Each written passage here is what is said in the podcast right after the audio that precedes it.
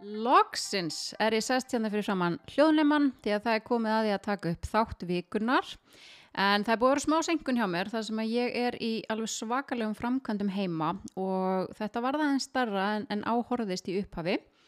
Og plana var þannig að núna bara get ég ekki eins og verið heima hjá mér. Húsið mitt er uh, svo gott sem fókhelt og ég hef ekki hugmynd um það hvernig ég get flutt aftur inn. Þannig að heimastúdíóið mitt er ekki svo mikið heima lengur en ég sem betur fer búin að fá inni hjá indislegu fólki og, og hérna sem búið að lefa mér að búa hjá sér meðan að ástandi er svona í húsinu mínu. Þannig að ég get tekið upp þátt og er bara komið alveg indislegan gest til mín í þetta farandstúdíó. En áðurinn í byrja ætla ég að þakka styrtaræðala þáttarins Lindax sem að ég er svo ótrúlega þakklátt fyrir að fá að vinna með og mér langaði að nefna við ykkur að jólanáttfutin eru komin. Ég veit ekkert meira kósi en að vera í góðum náttfutum, sérstaklega bara á aðvendunni og um jólinn og það er bara indislegt að skoða þessi góðu náttfuti í Lindax, mjúk efni, falleg og þægileg. Þannig að endilega kíkið í Lindaxu tækifæri og skoðiði fallegu jólanáttfutin. Þú ert að hlusta á ofurkonu í Orlofi. Ég heiti Bjargæg og í þessum þáttum ætla ég að fá til mín skemmtilega gesti sem hafa eld ástriðuna og láti drauma sinna rætast. Lífið er engin glansmynd og það eina sem ég veit er að það er svo miklu skemmtilegra eftir ég fór að vera ég sjálf, sendi ofurkonuna í frí og keipti mig nýja skó.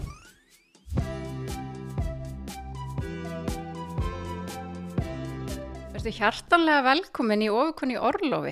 Takk fyrir það. Ég er með svo frábæran gestina hjá mér í dag, hana Báru, Já. sem að rekur brávöslun. Yes. Heldur betur geggjukona sem er búin að vera að vinna hörðum höndum að byggja upp sitt flotta fyrirtæki Já. í mörg ár. Já, í núna sex ár held ég, að verða sjönda. Já, Þetta er sjönda ára sem ég er að byrja núna í já. rekstri. Sko tíminn líður svo hratt. Veist, mér finnst svona eiginlega eins og sé kannski tvö ár síðan ég man eftir því að búðin opnaði á löguveginum. Já, þetta En þetta eru bara vera... greinilega miklu fleiri ár. Já, þetta er núna sex ár. Ég er búin að vera opna þrjár verslanir, sérst tvö ára kvörnstað. Þetta er fyrsta ári sem ég er lengur en tvö ár á einum stað. Já. Þannig að vonandi endist það innan eiginlega ekki að flytja aftur. Ég er alveg komin nógu í áttum búðir. Ég skil það mjög vel. Veitu, hvað ertu búin að opna marga búðir? Bara þannig að við Eh, séum með þetta alveg skjálfest hérna. Ég opnaði á lögaveginum Já. fyrst, var þar í tvö ár, svo flutti ég í mörkina þrjú, var þar í tvö ár og nú er ég komin í mörkina eitt, bara húsiliðina. Einmitt, einmitt. Búin að vera þar í tvö ár líka. Og svo opnum við reyndar á Akureyri uh, í fyrra, búin að vera þar í eitt og hálft ár. einmitt. Það er náttúrulega líka algjör snild að vera komið með búð fyrir norðan. Já, Bara eigur aðgengið og... já, bara rosa líka svona þjónustumunur, það getur maður þjónust að kunna miklu betur, eða bara norðurlandið eiginlega, það er alltaf svo margar sem er ekki bara Akureyri heldur í kring sem að keira og, og geta sótt og spara pósendingu og annað sko. Já, bara heldur betur. Það er Bara líka frábært að, að hérna, auka bara fjölbreytnina úst, út á landi. Já, Því að það, er einmitt... Ég held að sé þrjár fatabúður akureyri sko og svo eru bara svona einhver ein lítil búð í hverju plássi þannig að Já. Það er alveg, já, hellingar á kunnum þar sem við eigum. Já, þetta er bara algjör snild og gaman að sjá hvað þetta er búið að bara stækka rættjáður og vaksa. Já, takk fyrir það. Þetta er búið að vera mjög, mjög skemmtlegt. Mm Mhm. Smástafsandi, mjög skemmtlegt.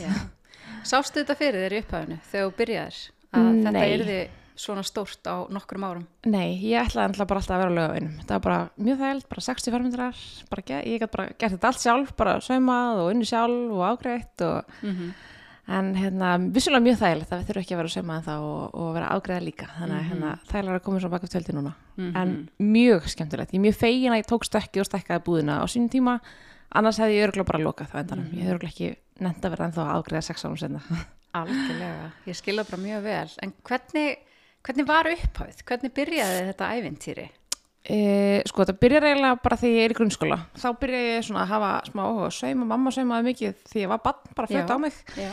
Þannig ég svona horfði á hann að sauma og kunna þess að sauma og gæti svona skítamixaði, ég er svona skítamixari mikill og hérna e, var einhverjum textil áfanga og var svona einhvern eini krakkin í áfanganum í grunnskóla sem var að sauma fött þannig að textilkennarinn tók svolítið áhuga á mér og var svona að leiða mér að kaupa einhver búrtablöð og kaupa einhver efni og að svo fór ég að sauma meira heima og svo fór einhvern veginn einhverja vinkonur og frængur og svona pantaföt af mér bara meðan ég var í grunnskóla og svo fór ég í mentaskóla og þá fór ég svona þá að Facebook svolítið að byrja, svona fólk var að byrja að selja gegn Facebook og með einhverja like síður og eitthvað. Mm þannig að ég gerði það í mentaskóla og byrjaði á því og gerði það alveg í fjögur ár. Og svo einhvern veginn bara já, fekk ég verið þessu opna lögaveginum þannig ég bara einhvern veginn átti, an- átti íbúðspartnað Mhm. og var annarkort bara áttum búðina eða kaupir íbúð Mhm. ég sagði bara þeir eru bara peningar og ég er bara tvítug Já. ég fyrir á hausinn, þá var ég bara samt tvítug það skiptir ekki máli Já, sem er alltaf frábært viðhorf af því að þú veist, þú þarft að taka áhættu til þess að starta einhverju nýju já, og ég bjó heima í fólundrum mínum þannig að ég svo Mhm. sem var með öðru húsnaði ég var ekki á leigumarkaði Einmitt. og þau bara einhvern veginn, já, já, bara do it, þú veist, ég verið alltaf verið svona öðvöld að satna með pening, alltaf unni mikið og í mörgum vinnum, Mhm. þannig að þau voru bara, já, já, veist það svo gerist það bara núlaraði út og byrjar að vinna aftur og Mhm. satnar þess aftur upp, bara Já, algjörlega, ég meina Þannig peningar koma að fara, aðla fara en hraðar allavega hana. Já, algjörlega, en maður á ekki láta vera hindrun þegar maður sér fyrir sér eitthvað að hérna, láta það stoppa sig. Já, Bara- sérstaklega ekki að maður er með hana í fólundrahúsum og getur, eða með maka eða eitthvað sem getur svona borga aðeins leiguna eða, eða húsnaði Já, smá tíma, sko. Alveg, allavega mjög fegin núna að ég gerði það í staðan fyrir að einhverja, einhverja íbúð sem ég bara er að vinna 8-4 í, þá allavega er ég Mhm. í rekstri og líka íbúð núna.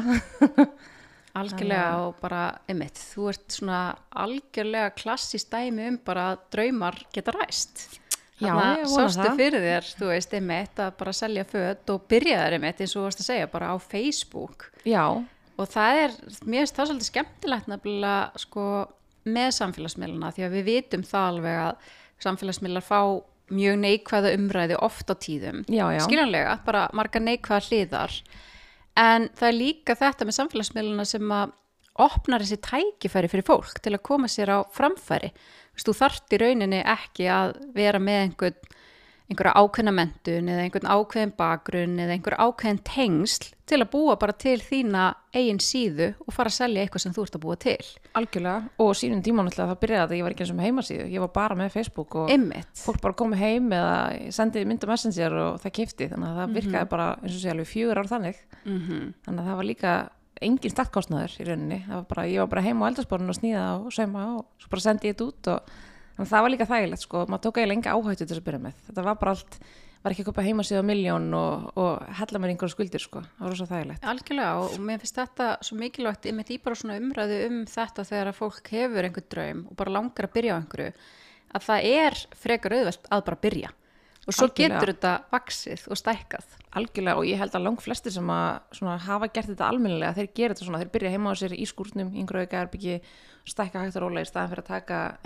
massífan yfirdrátt og kaupa ógislega mikið lager og bara ætla að sigra heiminn á einni helgi sko.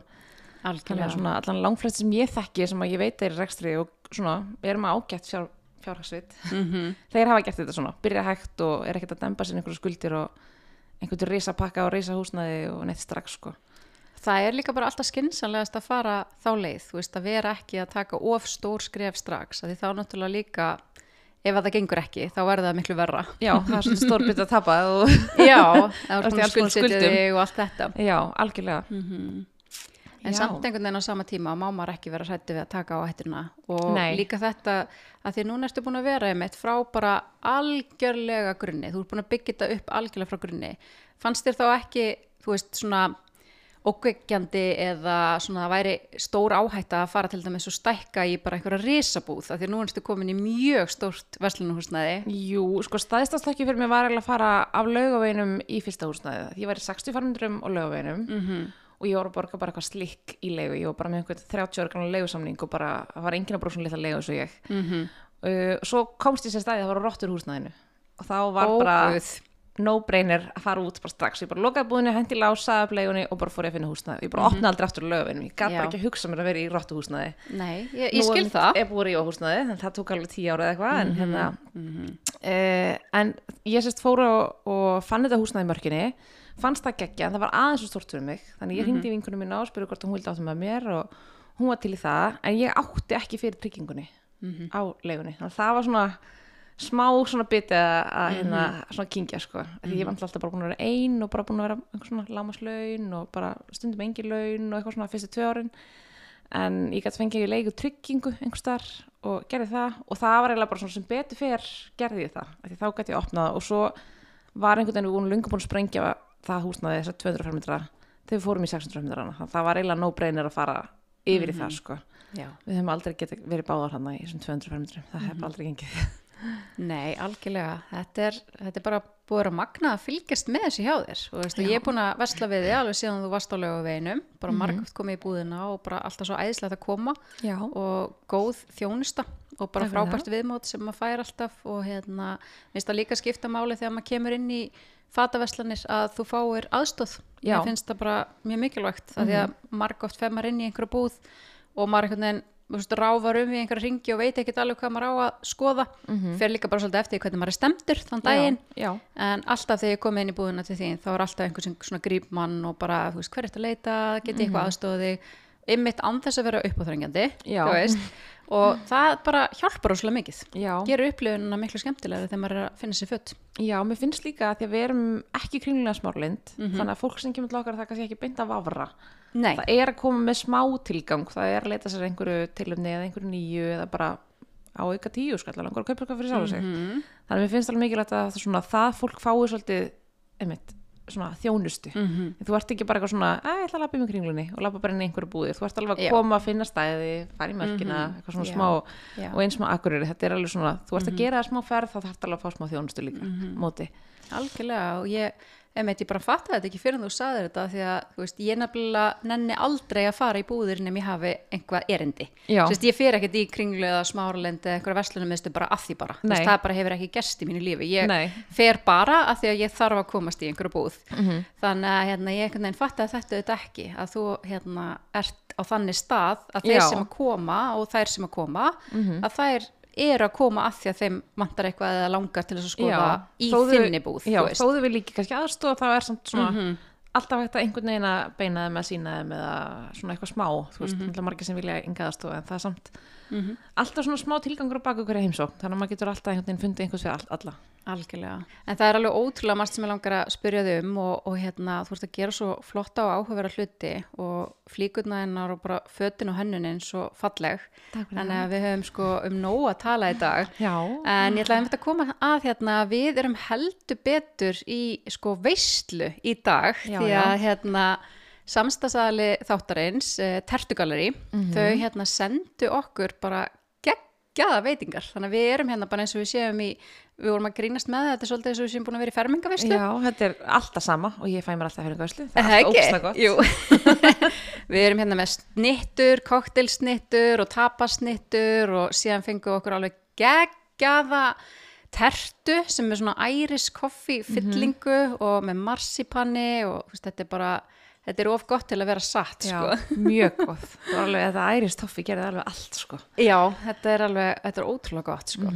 og hérna og svo ætlaði ég einmitt að nefna það líka að hérna æsver, þau eru komin með jólagjafa handbók fyrir Ok. jólin, sem er nefnilega alveg ótrúlega flott ég var að kíkja á henni á æsver.is og mér finnst þetta svo mikið snilda því að þetta eru svona hugmyndir bara að ótrúlega fjölbreyttum gjöfum og ég til dæmis var búin að ákveða fyrir mig í ár, mér finnst það svo þægilegt að taka eitthvað svona þema og svona gefa mörgum svipað. Já, svona já, þemað. já, já, algjörlega. Og ég hugsaði bara, æ, þú veist, hversu geggja væri bara að hafa svolítið þemað í ár, þú veist hlýja vettlinga, sokka og húur og eitthvað, eitthvað svona sem allir þurfa að nota. Já, ég held að líka vanti öllum vellinga og húur og Já, sokka. við búum á Íslandi. Já, það er alltaf, hún var alltaf að týna þessu og skilda Algjörlega. fyrir bústuðum og bílum og eitthvað. Algjörlega en ef við komum með mitt að því sem þú ert að gera líka fyrir jólin þá ert þú með alveg ótrúlega margt spennandi en Já. já og jóladagatölun hafi verið mjög vinsæl Já, við erum búin núna, þetta er held í fjórða árið eh, ekki röð, ég tók hann pásu í eitt ár, ég gat ekki gert það í eitt ár.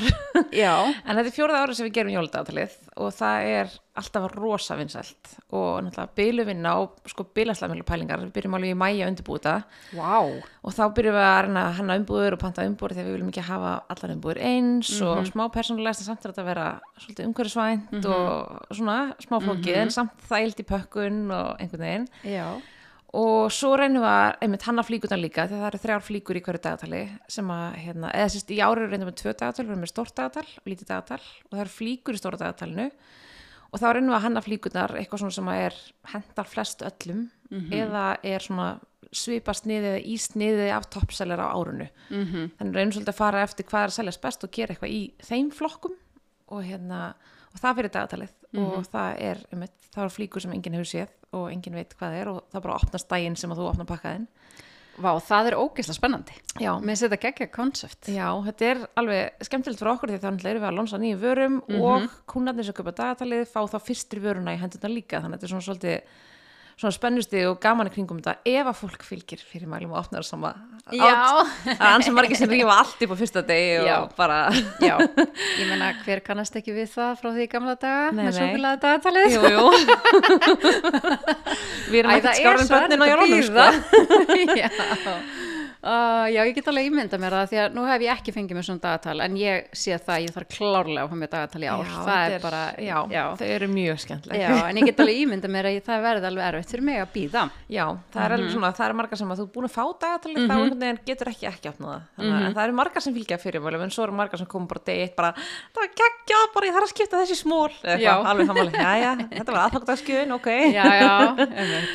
ég Já. já, já, þetta já, já, Já, er samt bara ótrúlega skemmtilegt og gaman að þið sé að gera eitthvað svona ég hef ekki hýrt um svona fatadagatal áður þetta er Nei, örgulega bara eitthvað, ég eitthvað held- hugmynd sem að þú varst Já, fyrst ég með. held að sé enginn með þetta það hafa verið gerð náttúrulega dagatölu með einhverju svona ykkarlutum og naglalegum og, já, og svona já, það er mjög svona nammi en og svona ég held að sé enginn sem er að gera svona personlæst mm. -hmm. starðardagatal því til að kaupa eftir stærð og gullega silfur og húttípu og ringastarð og allt bara, Vá. þetta er allt personlæst Já. þannig að mikil vinna að pakka þetta en Já. þetta er líka mikil hvað sem er, mikil þakklæti sem að fær fyrir þetta. Mhm. það er bara ótrúlega gaman og gaman að þú sérst að búa upp og lík, nei, bjóða upp á afsakið, bjóða upp á svona vörur sem að eru alveg einstakar eitthvað sem er ekki hægt að fá annars staðar. Nei, og kannski upprunnilega pæli ekki með dagatali var fyrir þessa típisku konur sem að einhvern veginn, þú veist, annarkot gefur ókslega mikið að gjöfum og færi ekki tilbaka eða bara er að gefa fáa gjafir og langar bara að kaupa fyrir sjálfa sig langar bara að Já. Gefa sjálfur sér kekja næst gjafir og hafa samt smá surprise og eða eins og svo, svo sem snýðast þetta aðeins upp og þetta var meira svona að mennitin voru að gefa kannski konunum sínum í jólagjöf eða voru að dættu þetta að taka sér saman og gefa með mjög stóra máliskjöf eða eitthvað svona, en þetta er svona smá að hugsa svona fyrir um eitt, þig. Gjöf frá til þín. Algjörlega og maður á að vera duglega við að gefa sjálfur sér gjöf, það er bara þannig. Já, ég meina, engi af þakklutur og þú sko. Nei, maður sjálfur sko Já. algjörlega. Já, en einmitt að fötunum og hönnunni hvað er það svona sem að þú sérð fyrir þér þegar þú ert að byrja að hanna flík, hvað, hvað er markmið og hvað langaði til þess að gera? Sko ég reyni eiginlega alltaf bara að gera föt að sjálfum mig. Mhm. Mér langar bara að gera föt sem mig langar í. Það er náttúrulega bara upprunalega hugmyndin. Ég var bara, ég var bara að gera einhverju kjóla og kimono sem mig langaði í og ég Mhm. fann hvergi og kannski var þetta til einhverju búin það passaði mér ekki, mér langaði að hafa síðari eða víðari eða eitthvað. Mm -hmm. þannig að það var upprunalega pælingin og það er alveg ennþá pælingin. Þú veist, ég er alveg að fylgja tísku strömmnum ég er alveg auðvitað með kannski litina og munstrin og svona svipa og eritísku en með sniðin sem mig langar að hafa og mig langar að hafa vasa og mig langar að hafa alls konar sem er eitthvað öðruvísi og einhvern veginn, þannig ég er alltaf bara að pæli því bara ef ég er að fara í eitthvað brúkup hvernig kjól langar mig að vera í af því ég finna hann hvergi annars þar þannig að þá fer ég að fara að pæli því og hanna og finna munstur eða hanna munstur og svona Mhm. þannig að það er eiginlega bara hugmyndinu bak við allt það er bara hvað mig langar í mm, það er bara líka geggjur pæling af því að veist, ég hef svo oft sagt þetta með, með bara til dæmis að, gefa gjafir að ef þú hugsa þetta svolítið út fyrir bara hvað myndi ég vilja fá í gjöf mm þú veist, það er maður að gefa eitthvað svona persónulegt og þú Já. ert þarna að hugsa með hvað hérna hvað, hvað myndi ég vilja klæðast og hvað finnst mér vanta, þú veist, Já. á markaðin Mhm. og það er alveg, að því maður hefur alveg fundið það að þú ert að koma með vörur sem að hefur alveg vantað Já, og ég kannski líka er að vinna svolítið mikið með svona, ekki þessi íslenskur klassísku líka með, en kannski íslenska konur eru kannski með rassastærri heldur en spænska konur Einmitt. og mittis Bara- minni heldur en einhver aðra, þú veist, við erum með Já. svona kannski sterkara líkansform heldur en einhver önnu þjóð Mhm. og þá er ég svolítið að herja á þau snið og svona, ég man líka því ég var að byrja að gera strokkin fyrst strokkurinn er svona alveg aðsniðin kjóll Mhm. og ég fann hvergi aðsniðin kjóla mig því það var bara eins og konur yfir larts mætti ekki verið í þröngum kjólum Einmitt. þannig það var bara sem svona mín pæling mér langaði bara að vera í ókslega þröngum kjól og Já. fann hann hvergi og hann passaði hvergi þannig ég bara sauma hann já. og það er bara topp sellerinn í búðinni það er bara aðsniðin kjóll í staðstu stærðanum sko.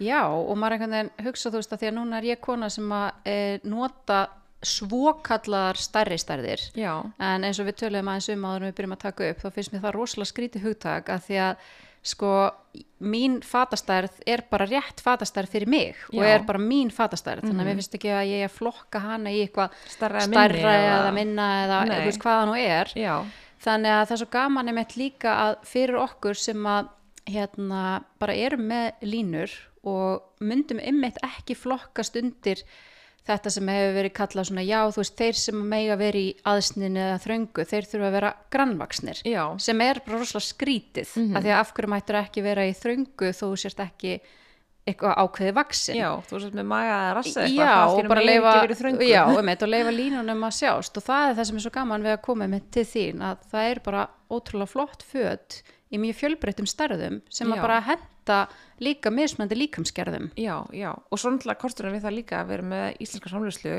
og saumastofuna bakvið í mörkinni er að við getum alltaf þrengt inn eða stitt eða svona smá svona tvíkað inn fyrir hverju eina því að við erum ekki allar 1,50 og 60 kíló þannig að Nei, þá þurfum við bara, bara- annarkvort að láta stitta eða bæta blundu eða síka einhvern veginn eða þrengin í mitti eða, þannig að það er også kostur líka, þú getur alltaf svona láti mixa flíkina eftir þínu svona sniði eða þínu formi Já, það er bara algjör snilt Hvað eru svona vinsalistu flíkunar hjá þér? Hvað ertu að selja mest af?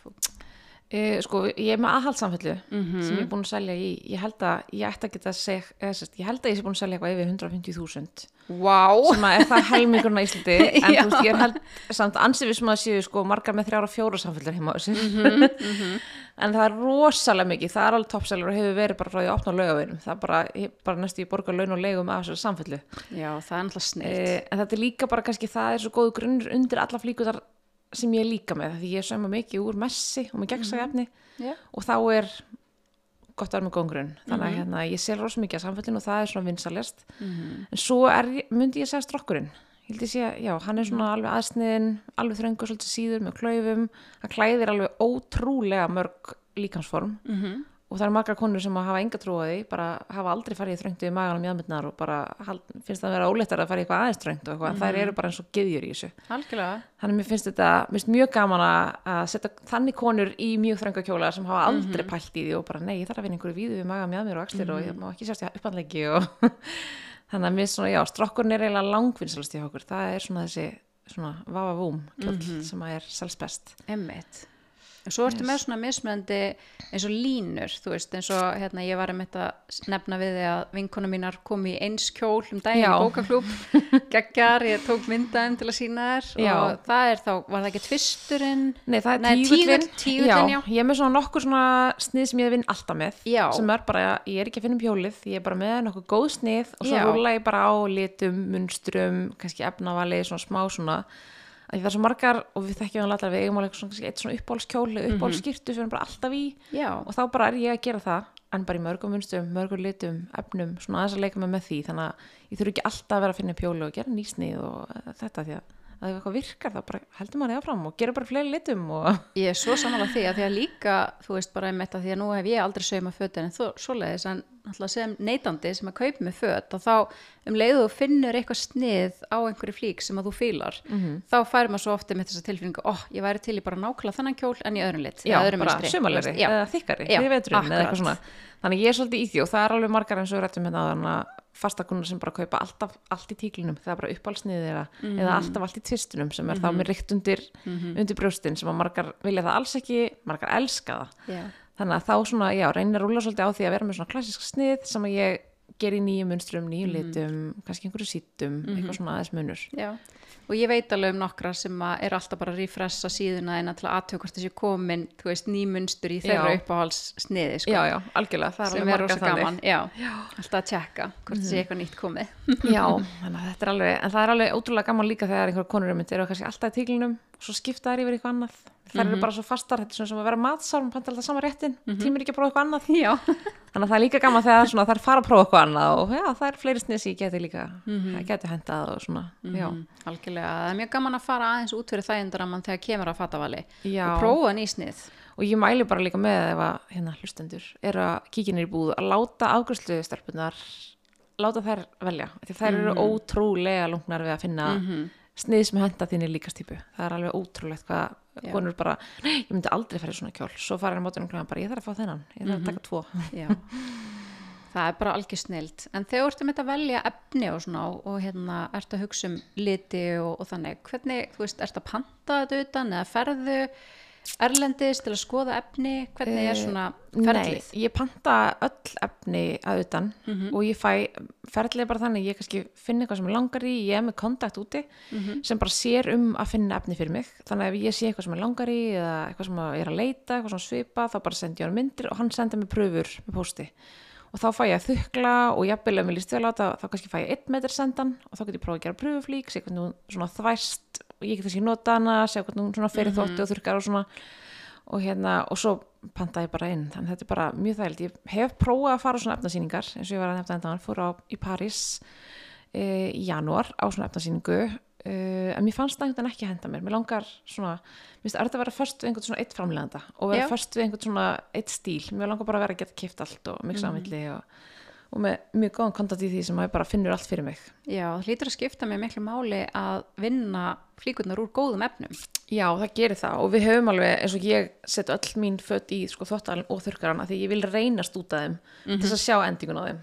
Já, þannig að þú veist, það er alveg mikilvægt fyrir mig að vera með svona svolítið háan geðstand þú ert að kaupa flík og vilt alveg að hún endist. Þú vilt ekki bara að hún stýttist um 20 cm í þvotti eða hnökra öll í drastl og nei. þarft alveg svolítið að geta svona nota flíkina Mhm. að því ég vil líka ekki að þetta endi eins og eitthvað svona einhverju rusla haug eða nota tvisasunum á hendunum og veist, þetta áalveg svona enda í ekstra loppinni, einhver annar á að geta kæft þetta og þetta á að- að endast bara að eilífu helst sko. bara ég er svo samanlegaður og mér finnst líka að þetta skiptir svo miklu máli.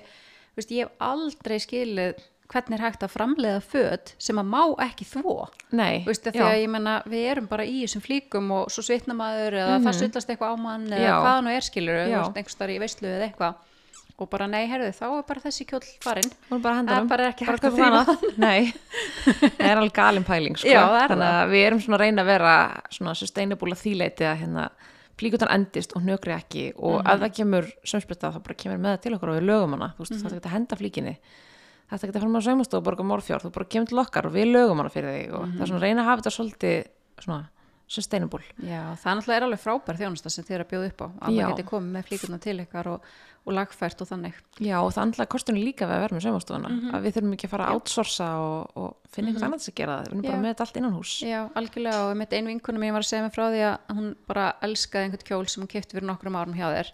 Svo passaði hann ekki lengur á hana. Bara hann var einhvern veginn og víður og skrítin á henni og hún var bara eitthvað, æ, þú veist, ég ætla bara að selja hann. Og ég segi hann, akkur fer ekki bara að láta mingan mm -hmm. og hún bara kom með hann til ykkar og þið græði hann og hún bara eitthvað, vá, ég, mér hefði aldrei dottið þetta í hug fyrir hún sagði þetta, bara þetta læti ég bara laga hann fyrir mig. Já, við getum alveg þrengt, ég held að sé alveg 90% sniðunum um svona eitt og hálft númer. Einmitt, þú veist, bara að svona ef þú ert ekki að fara úr XL í smól þá kannski þetta að kaupa nýföt Já, en ef þú ert að fara eitthvað aðeins að flexa eða jafnvel bara, ef þú ert ólétt og kaupa kjól, þú komið Já. eftir, eftir meðgöngu og minga Mhm. hana aðeins og Já, þannig að það er líka rosa góða kostur hjá okkur það er svona, Mhm.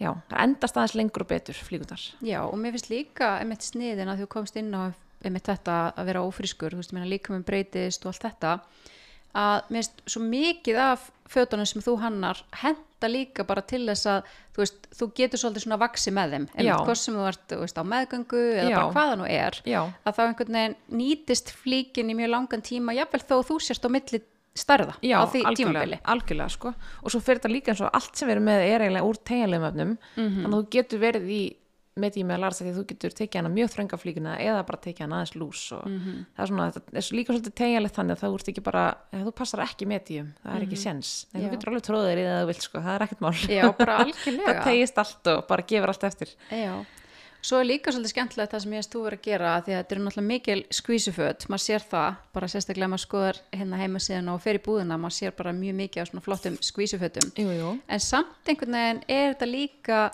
þannig að þú getur verið að nota þessi föt hverstags, þú veist, Já. og bara svona í vinnuna og bara þægilegt Já, og mér finnst það líka svolítið mikilvægt. Ég var með eh, fyrir tveimur árum svona Fancy Friday átak. Já, ummitt, ég Og- man ég tók eftir, var það ekki í COVID? Jú, það var COVID, ég þegar allir voru heima já. á sér náttútum allan daginn. Þá tók ég þetta átaka því við áttum allar fulla skápa á Já. alls konar fínum fötum, vorum aldrei í þeim Og það var alltaf að aldrei- eftir að það væri búðkaup Nei, það var aldrei eða- svo kom þú jól máttir og ekki var hitta heima.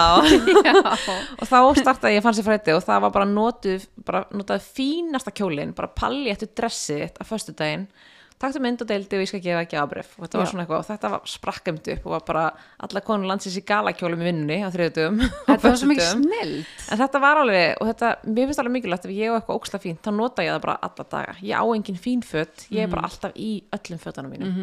Og bara kannski kannski kaupi ég mig kjóla og segjum mig kjóla fyrir brúðkaup en svo bara nota ég hann á föstudaginn næstu viku. Mér finnst það ekkert mál. Já, Þannig, og miklu skemmtilega að vera alltaf sætur og alltaf vitn og ekki að vera einhverjum flýsbissum og einhverjum mm ruslfötum einhver svona mm Já, þetta fer svolítið líka bara eftir með sko, hvernig manni líður, hvernig maður fer að klæða sig. Ég ætla Já. að tengja við það, þú veist að ef mér líður vel, þá langar mig virkilega til þess að gera mig fína og fara í Já. Mhm. eitthvað svona fín föt. Svo ef maður er eitthvað svona hálfmanneskja, þá er maður bara eitthvað, æ, ég veð bara í náttbuksunum í dag. Já, algjörlega. En svo líka getur maður að trykka sjálf sér svo mikið með því að vera bara, ok, ég ætla Já. að krulla mér hárið, mála mig, mm fara í kjól, Mhm. fara út, bara, kannski, Og bú, þá kannski bara bústara líður manni aðeins betur. Já, eða mann allan maður líður betur þegar maður finnst maður líta vel út. Já. Mér finnst það alveg svona, Ég bara er algjörlega með þér þarna. það sé alveg lógík þannig bakvið, ég er ekki alveg bara að ljúa.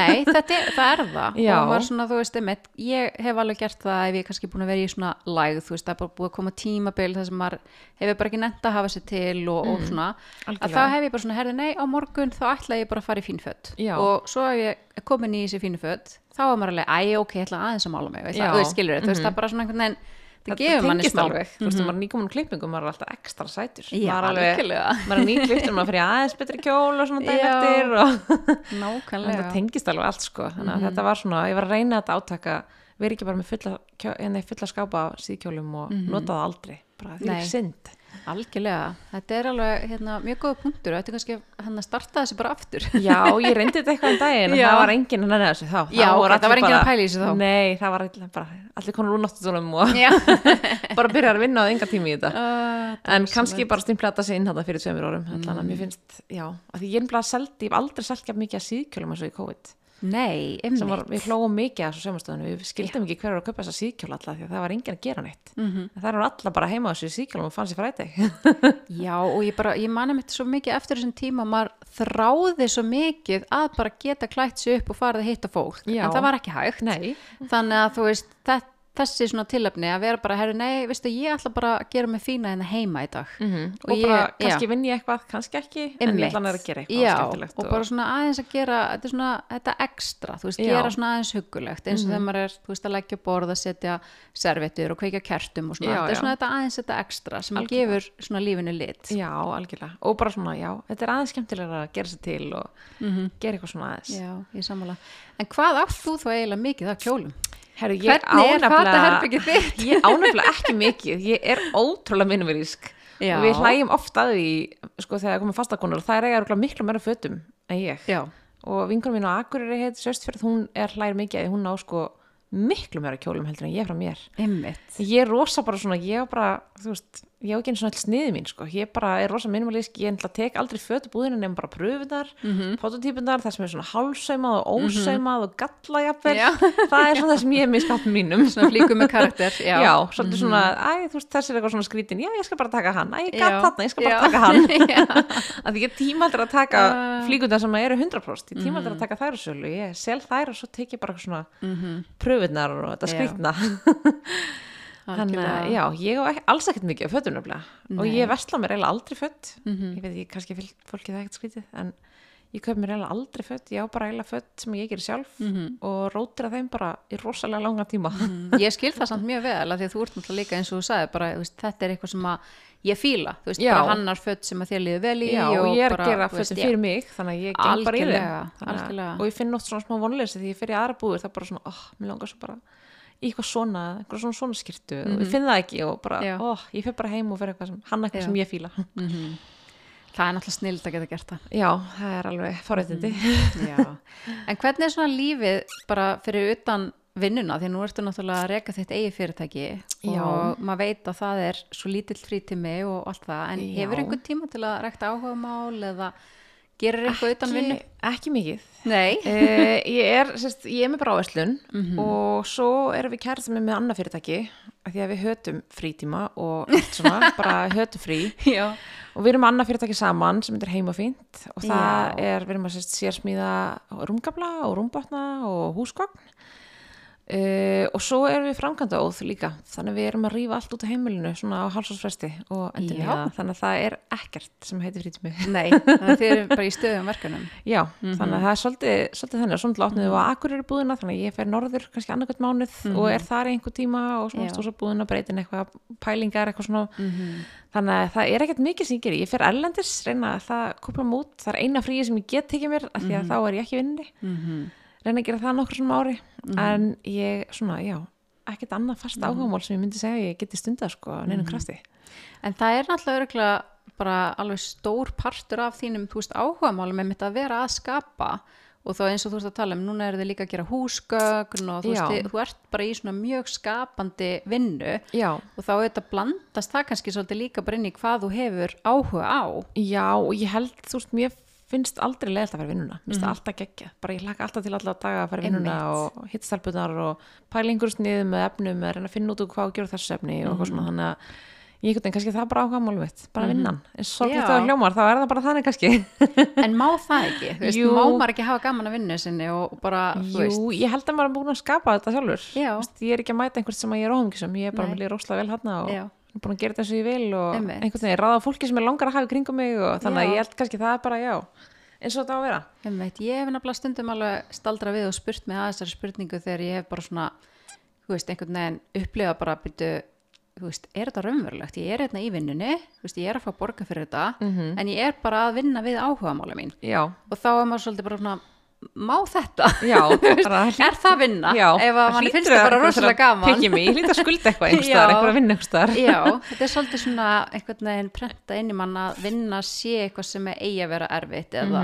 þú veist, svona íþingjandi einhvern Mhm. Já, á einhvern algjörlega, hátt. algjörlega, já, ég held að sé en ég veit það ekki, maður, já þetta er bara óslega gaman Mhm. og minnst ég bara frábært starfsfólk og það, er alltaf hressar og skemmtlegar og leysum allt í samanningu og er eitthvað vesen einhver staðar þannig að þetta er bara eins og að vera bara að mæta í vingunahópsinn í rauninni, Já, alla móta. það er náttúrulega bara þvílík gjöf að Já. þú veist, lifa þannig lífi að það sé svo gaman í vinninni að mann líður bara eins og maður sé með vinkunum sínum. Já, sem ég sko, ég vil segja það. algjörlega, Já, geggjað. En hvað með svona ókostina við það að vera í eigin veist, er eitthvað sem að þið finnst vera erfitt? Já, þannig að rosa eld að kúpla svo út. Mm -hmm. Ég get aldrei bara hætt klán fjóra föstum og fara heim og fara í helgafrí, get mér auðvín og slaka á, það Nei. er bara aldrei hægt. Ég er alltaf, og eins og rættum við náðan alltaf á vaktinni bara. Já, Mhm. og við rættum við náðan að við byrjum að, ég hef ekki hort á sjónvarpið í sex ár, ég er alltaf með töluna í fanginu eða síman í, í sko, hendinni, Mhm. þannig að maður er alltaf að pikka eitthvað niður, pæla í einhverju, einhverju nýju vörum, einhverju svona, hvernig ég ölsa þetta ég gera ölsinguna, ég er að pæla í hérna ég er að ölsinsi dagskrána, ég er að gera þetta, tala um þennan. Mhm. þannig að það er svolítið ókosturinn sko, uh, en náttúrulega svo kosturinn eins og get sofið út Einmitt. ég þarf aldrei að vakna og mæta klán átta í vinnuna nema í spóka og fundi einhverstaðar Mhm. þannig að það er svona líka kostur alveg en ókosturinn getur verið svona já, tímastjórnun, maður er svolítið alltaf á vaktinni og ég get ekki tekið með þeir ekki að mánu frí og fara til Bali bara, það er ekkert nei, nei, og það er bara að loka og Já, það er enginn sem gerir sniðið eða pantar efni eða neitt sko. Einmitt. þannig að það er oft svona smá krefandi að vita það að ég fæ aldrei svona eitt gott frí. En, hérna, en á móti kemur alltaf gaman alltaf í vinnunni, þannig að kannski það er ekkert svo langt frí Nei, nei, og bara einhvern veginn líka, þú veist, ég held að maður þurfa að finna, þú veist, hvað henda manni? Já, Að því að við erum alveg svolítið mitt föst í auðvitað, æ, þú veist, þessi rammi, bara, þú veist, það er einhverja svona skilgrendur vinnutími Mhm. og margir bara elska það, þú veist, og Já. Mhm. elska þá rútínu, bara, þú veist, ég vinn milli 9 og 5 eða eitthvað svona. já, En svo við hinn sem erum ekki í þannig störfum, þú veist, erum bara alltaf einhvern veginn í vinnunni en fólk horfir á okkur og, og finnst svona bara að maður sé aldrei í vinnunni. Þú veist, það er svolítið svona, þú veist, spurðu bara byttu við hvað vinnur þú? og þá svona byrjum maður alveg, já, ég er að taka upp hlaðvarp og ég er að halda námskeið og erindi og fyrirlastra og síðan er ég búið til efni á samfélagsmiðlum og og þau ert ekki að gera það ert að skiplega eða undirbúa eða algjörlega. tala af fólki og vinna í bókaldinu og bara hitta þetta og Já. fara alls konar fundi. Mhm. og þá er svona einhvern veginn svona fólk alveg bara svona, já, en, en hvenær ertu þá í vinnunni? Já. Já, allan sólarringin Já. ég er allan sólarringin í vinnunni þannig að þetta er alveg svolítið svona skemmtilega pælingar, bara hvað hérna Já. líka, þú veist, að ég hef alveg þurft að grípa sjálfa með þarna að hérna vera, þú veist, ég var kannski að brjóta mig niður bara, ok, þú ert einhvern veginn aldrei í fríi. Þú veist, þú ert Já. alltaf með hugan í vinnunni við alls konar verkefni. Mhm. þetta er bara þegar ég er út í göngutúr þú veist, þá kannski er ég bara eitthvað, já, herðu, þetta væri góð staðsynning fyrir myndatöku fyrir þetta, eða eitthvað, Mhm, þú veist, maður er alltaf einhvern veginn að hugsa. Já, og líka svona einmitt þessi skipulagsvinna sem að, að hérna, tekur líka alveg hellingstíma. Já, maður á alveg stundum erfitt með að kúpla sér svona algjörlega frá en ég hef svolítið svona leift mér að sjá líka bara fegurina í þessu. Já, að þú veist vera bara í þessu flæði og bara mér finnst þú svo gaman í vinninu minni og mér Já. finnst alltaf lægi að bara leifa mér það. Já og það má, um, það má bara vera óslega gaman að vinna. Það er enginn sem segir að það þurfa að vera leðilt í vinnunni. Mér finnst það svo skrítið að allir að býða þrjá fyrir sumafrí kannski langar mig bara að vera í vinnunni. Kannski er bara óslega gaman að vera í vinnunni og algjörlega. fýði sumafríinu þá er ég ekki að vinna og ein og eitthvað svona. Já. Þannig að ég veit ekki. Það bara, og svo eru dagarnir þín líka örgulega mjög fjölbreytir því þú náttúrulega ert bara svona algjörlega allt múlíkt kona í þínu fyrirtæki. Þú Já. ert að skipulegja þú veist líka markasmálin og alls konar í myndatökum og hitt og þetta. Já, já ég er búin að, ég er að umkringja með mjög góðum hóp þannig að við erum rosa góð, gott heimi Mhm. Og ein bara mjög góð yngur mín, hún er ljósmyndarinn minn. Þannig að við erum oft bara svona undirbúum um kontentdag og fyrir með mótilum út og, og svo er náttúrulega er eins og þessi all, engi dagar eins að því stundum er að taka upp sendingar stundum er að lesa við kaffi, stundum er að fundum allan daginn eða eitthvað pantin efni, pæli sniðum þannig að það er alveg gaman að mæta en þetta sumi dagar leðilegir, maður er ekkert alltaf eins stundum bara í bókaldi og flokka Jú, nótur jú, og kannastu það. En svona, það er einn dag kannski á mánuði, þannig að maður svona, já allir hinn eru nokkuð skemmtlir Einmitt, ég var að skila komið hérna í vaskskíslu gær, það Já. var ekki gaman en, en leið, og það er búið, það var bara svona ok, það er léttir, þá er ég búið með þetta leiðilega verkefni. já, það er alveg, já. Þetta er alveg, Já. þetta er ekkert allt skemmtilegt Já, en hvað gerir þú svona bara til að trýta sjálfa þig? Þú veist, þegar þú ert bara, ok, núna er ég svolítið búin, ég þarf að fá bara smá breyk og ætla aðeins að trýta mig. Hvað gerir þau fyrir þig? ég eiginlega veit það ekki Nei. ég bara, þú veist, ég veit það ekki ég bara fer heima hjá mér og tek svona everything shower Já, bara tana og krist allar bólutinn Mhm. allir á mér og Já, það er bara gott svo bara, já, rauðvín og einhvern veginn, en þú veist, ég var alltaf með þá reglu, þegar ég byrjaði ég slögt alltaf á netinu klant 10, setti bara airplay mode klant 10 og þá hætti ég vinnunni, en núna alltaf er svo miklu meira, það er miklu meira Instagram og TikTok og maður kannski, þó ég sé að skróla TikTok og skoða hugmyndir, þá er ég ekkert að vinna en ég Nei, kannski nei, svona, leita einhverjum Já. hugmyndum og eitthvað svona, ég myndi ekkert segja að ég, þú veist, ég er ekki bústæðakona, ég myndi ekki geta að fara upp í bústað, ég er þið bara ég þetta verið einhver störu bústað með eitthvað spil í heila helgi sko.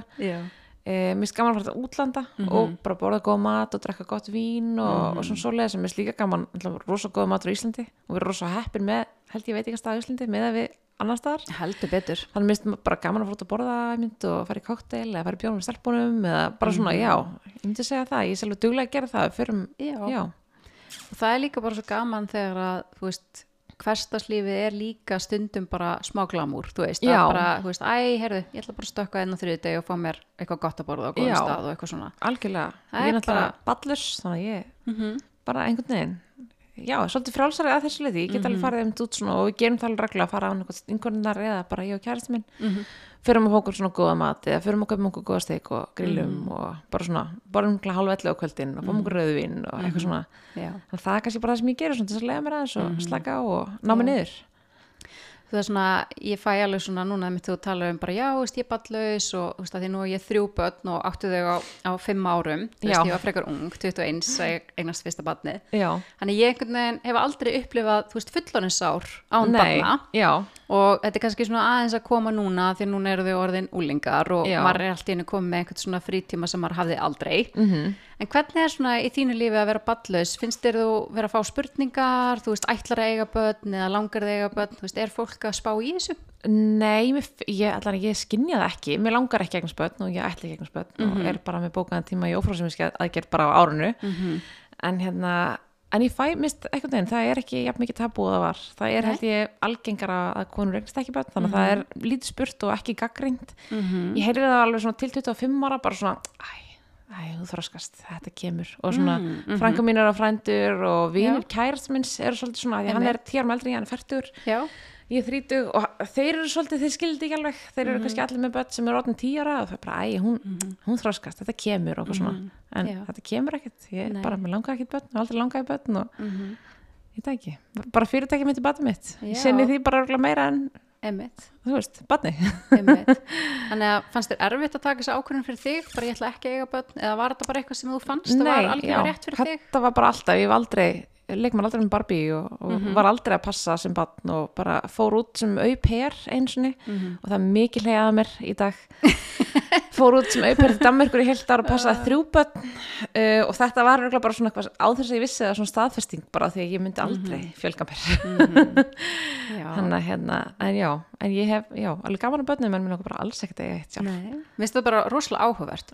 Kannski líka bara af því að þú veist hérna, það er svo mainstream ef við leifum mér að sletta að bara, þú veist, í okkar íslenska samfélagi að eiga börn Já. Og náttúrulega Íslandingar eiga freka mikið af börnum svona með við margar aðra þjóðir já, og, hérna, og ég kynntist ég mitt sjálf bara þegar ég var tvítu og fóð sem óper til bandarækjana að þú veist, þar kynntist ég fullt af fjölskyldum sem að ég mitt áttu ekki börn Mhm. -hmm. og það var eiginlega svona, ég mitt, svolítið lukkutum fyrir mig bara því að í mínu nærum hverju á Íslandi þá basically áttu allir börn, þú veist, eða skilur Mhm. og það er enginn sem hugsa það ekki Nei, það er bara nei. einhvern svona partur á prógraminu þú bara færi maka, færi bad, mm -hmm. giftið köpir hús, það er bara svona Já, en einmitt. einhvern veginn, ég var bara aldrei, það var aldrei mínu hugmynd og ég bara skildi ekki það vinkunum mér voru tvítuðar bara að klingja einhvers þar, ég var bara, hvað er það? Já, Hvað er að klingja? Ég skil ekki. Akkur langar ykkur svona smábann? Hvað er að ykkur?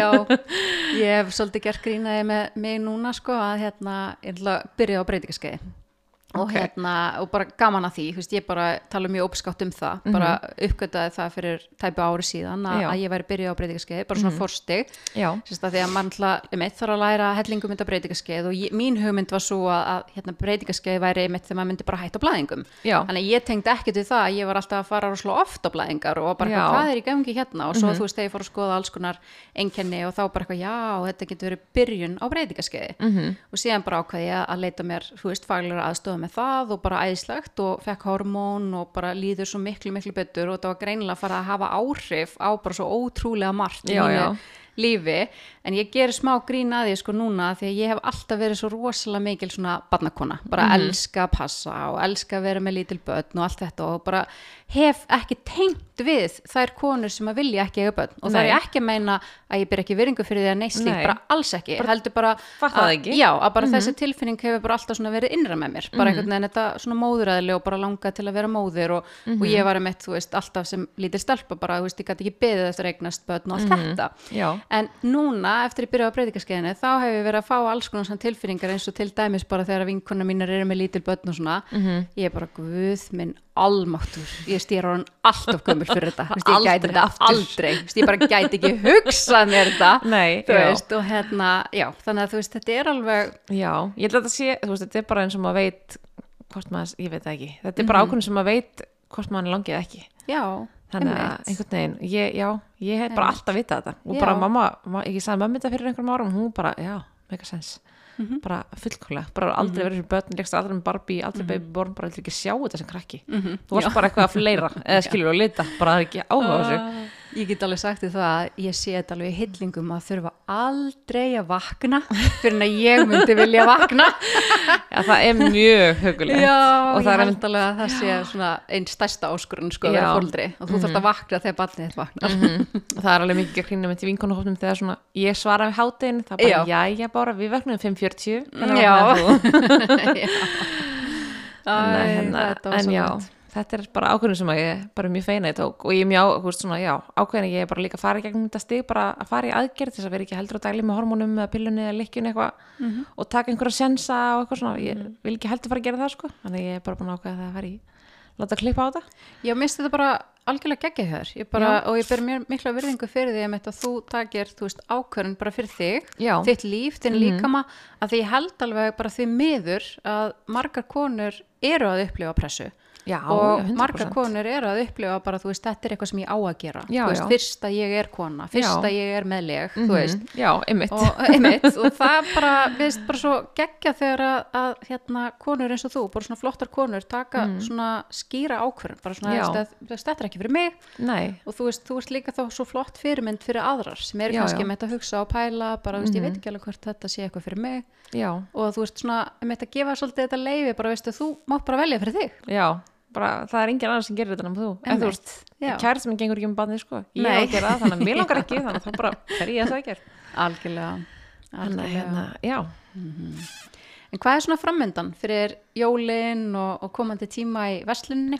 E, það er bara held ég saman og alltaf veila, það er bara ný, nýr fatnaður og, nýr snið.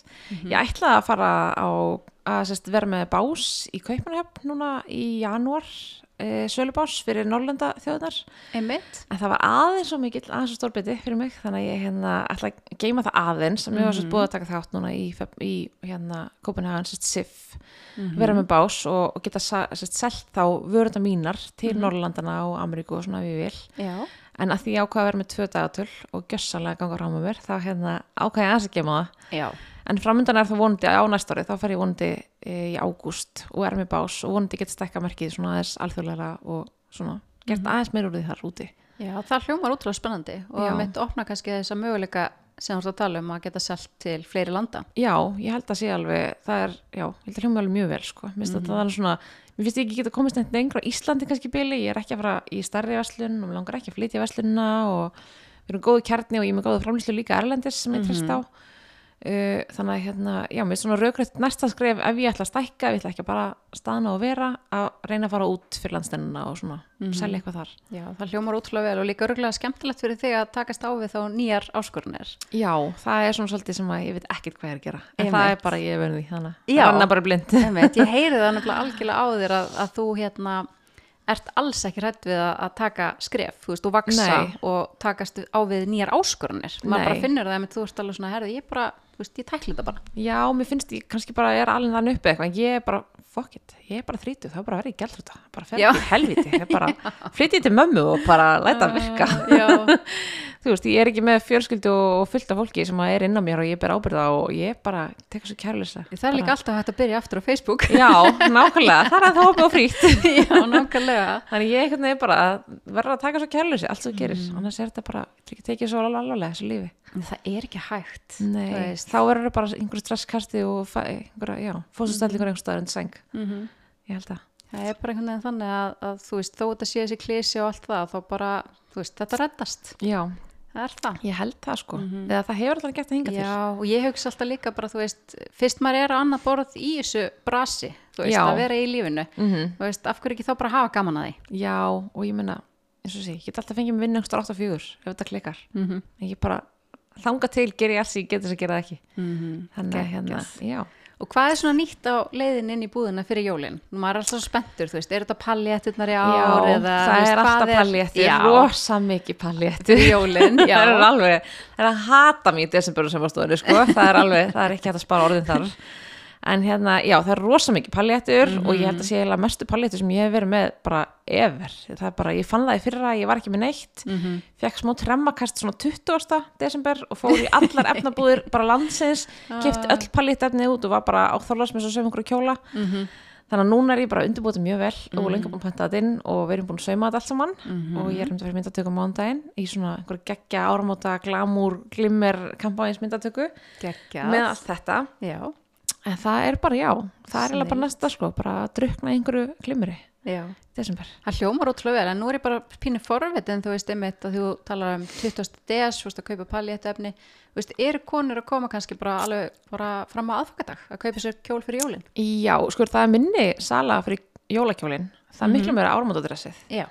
Af því að það er orðin miklu sterkari að hafa í Íslandi held ég fyrir svona náttfata, kósi jólum, Já. nota eitthvað svo átt og svona. Einmitt. En áramótin ertu svolítið eins og Páll Óskar, þú ert bara, það er all in það er, og það er engin að skama sín. Þannig að mér salan hjá mér bara, við erum alltaf í maðgur, við erum alltaf opið á hérna, á gamlastak og Já. Við vinnum alltaf á gamlastak tvær saman og það hefur alltaf verið bara geðvik sala. Það er bara, þær eru að koma tilbúnar að kaupa allt glimmerið, bara, Vá.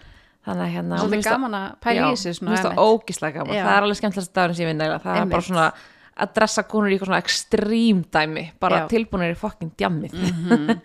Já, það er gaman að vera líka í þessari stemmingu og ég held Já. þetta er svolítið held ég einkennandi fyrir okkur Íslandinga við erum svolítið mikið svona ofta á síðustu stundu. Það er svolítið veist, mikið það er þannig. svona þetta mottoið með bara Já. að þetta reddast, ég finn Mhm. mig bara kjól á leiðinni í bóðið sem ég er að fara í, já, ekkert mál. Já, en þetta er ekkert vandamál í Íslendingu þeir bara Mhm. finna eitthvað og bara kaupa eitthvað og redda sem er rauður varalitt og hérna þannig, að- en já, áramótin hjá mér er alveg reisastór tími þannig að ég ætla að vera vel undirbúin núna með paléttum og, Mhm. og dressum og öllu Já, bara hljómar ótrúlega vel. Ég er bara mjög spennt að hérna koma í búðinu þín og sjá það nýja fyrir jólinn og Já. áramótin og yes. nú þá maður heldur betur að fara að pæla hverju Já. maður ætla að vera í um jólinn heldur betur, það er alveg mánuðu til, til smá tíma algjörlega og bara svo mikið líka frammyndan finnst mér alltaf, þú veist, í desember svona margir Mhm. viðburði er og svona já, og ég finn það alveg að, þú veist ég vil alveg eiga bara frekar einmitt fáar en, en góðar flíkur. Mhm. ekkert að vera með eitthvað fulla skápa af alls konar dóti. Nei, en ég finn það þegar ég er að fara á marga viðburði kannski stuttum tíma þá langar mér ekki alltaf að fara í því sama. Nei, og þá er alveg gaman að köpa sér svona, eitt svona skemmtilega kjól til þess að aðeins að svona mitt smá svona velur eða plimmer eða palli eftir eitthvað smá svona spari Já, í mér þessum finnst- desember